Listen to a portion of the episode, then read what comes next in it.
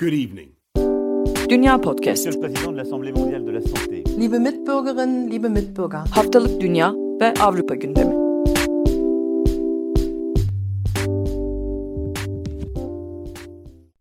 Dünya Podcast'ten herkese merhaba. Ben Seda Karatabanoğlu. Anlık gelişmeleri aktarmak üzere tasarladığımız setin yeni bölümündesiniz. Bugün sizlere Fransa'da yaşanan bir kadın cinayetini aktarmak üzere bu programı kaydediyorum. Ama öncesinde 29 Aralık 2020'de Türkiye'de katledilen 4 kadın ismini anarak başlamak istiyorum. Aylin Sözer, basında Kemal Ay ya da Kemal Delbe olarak anılan kişi tarafından vahşice katledildi. Selda Taş, Mehmet Taş tarafından vahşice katledildi. Vesile Dönmez, Uğur, oğlu Uğur Dönmez tarafından vahşice katledildi. Betül Tuluk, oğlu Berk Ay tarafından vahşice katledildi. Vesile Dönmez ve Betül Tuğlu'nun oğulları tarafından katledildiğini özellikle belirtmek istiyorum. Çünkü her kadın cinayetinde kadınların seçimleri sorgulanıyor. Sanki kadınların yanlış seçim yaptığı için öldürüldüğü, bu sonuçla karşılaştığı söyleniyor. Bunun bir seçim olmadığını, kadın cinayetlerinde kadınların asla bir suçu olmadığını belirtmek için kadınların oğulları tarafından da öldürülebildiğini belirtmek istiyorum. Fransa'daki cinayete gelecek olursak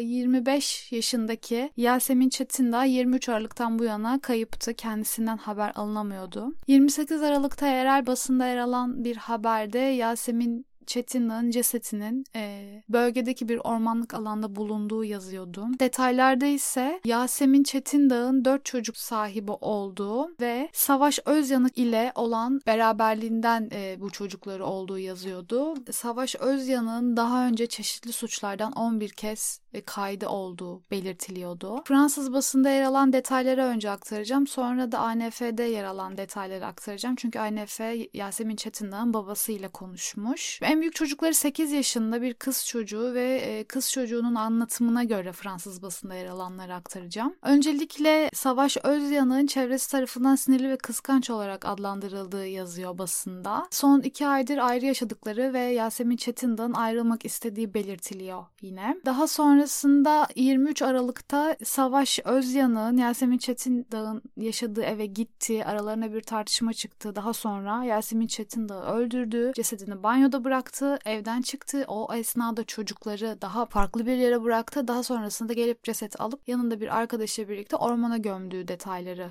var Fransız basınında. Ancak şöyle de bir detay var. Savaş Özyanık ilk başta 23 Aralık günü Yasemin Çetindağ'ı görmeye gittiğini polis sorgusunda kabul ediyor ancak öldürdüğünü kabul etmiyor. Bir arkadaşıyla birlikte bir arkadaşıyla birlikte Strasbourg'ta yer alan Vondenheim ormanına sandık gömüyorlar ve arkadaşına bu sandığın içinde 60 kilo kadar kenevir reçinesi olduğunu söylüyor. Arkadaşının ifadesinden aslında ormanda bir tespit yapılıyor ve Yasemin Çetindağ'ın cesedi bulunuyor. Savaş Özyanık başta kabul etmiyor cinayeti işlediğini ancak arkadaşı da gözaltına alındığında kendisi sorguda e, o gün birlikte ormana gittiklerini ve içinde e, kenevir reçinesi olduğunu düşündü. 60 kiloluk bir sandığı gömdüklerini söylüyor. Daha sonrasında bu ifadeden yola çıkan polisler bölgede arama yaptıklarında Yasemin Çetindağ'ın cesedini buluyorlar. ANF'deki bilgiler ise biraz daha sıralı bir şekilde ilerliyor aslında. Aslen Bingöl'lü olan baba Azat Çetindağ ile konuşuyor ANF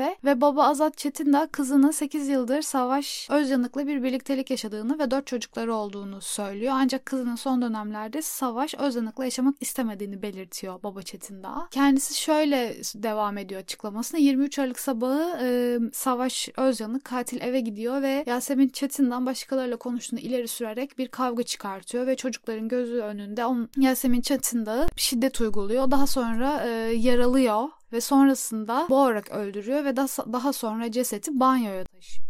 Bu bundan sonra çocukları alıyor başka bir eve götürüyor. Orada anneannesine bıraktığı söyleniyor aslında çocukları. Çünkü Yasemin Çetindağ'ın ailesi de aslında Strasbourg'ta yaşıyor. Sonrasında e, baba her sabah kızıyla konuştuğunu, 23 Aralık günü kızından haber alamadığını bu sebeple diğer kızını arayarak polise gitmesini ve kayıp ilanında başvurmasını e, istiyor. 23 Aralık'ta bir kayıp başvurusu yapılıyor Yasemin Çetindağ için. Daha sonrasında da işte partneri olan Savaş Özyanık gözaltına alınıyor. Ancak dediğim gibi kendisi şiddet uyguladığını kabul ediyor. Ancak cinayeti kabul etmiyor. Daha sonrasında Savaş Özyan'a yardım eden 48 yaşındaki e, kişinin ismi basında geçmiyor. Aynı kişi de aslında uyuşturucu kaçakçılığından ve pek çok adil suçtan dosyası var. Savaş Özyan'a yardım eden kişinin de. Bu şekilde e, birlikte bir e, aslında diğer kişi de cesetin yerini değiştirmek, olay yerini taşımaktan suçlanıyor. Şu an ikisi de gözaltında. Basında yani hem Fransız basında hem de e, Türkiye basına yansıyan bilgiler böyle. Yasemin Çetindağ cinayetine dair aktaracaklarım e, şimdilik böyle. Yeni bilgiler geldiğinde size e, iletmeye devam edeceğiz. Şimdilik hoşçakalın.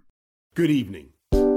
Dünya Podcast. Monsieur le Président de l'Assemblée mondiale de la santé, Liebe Mitbürgerinnen, liebe Mitbürger. Haftalık Dünya ve Avrupa gündemi.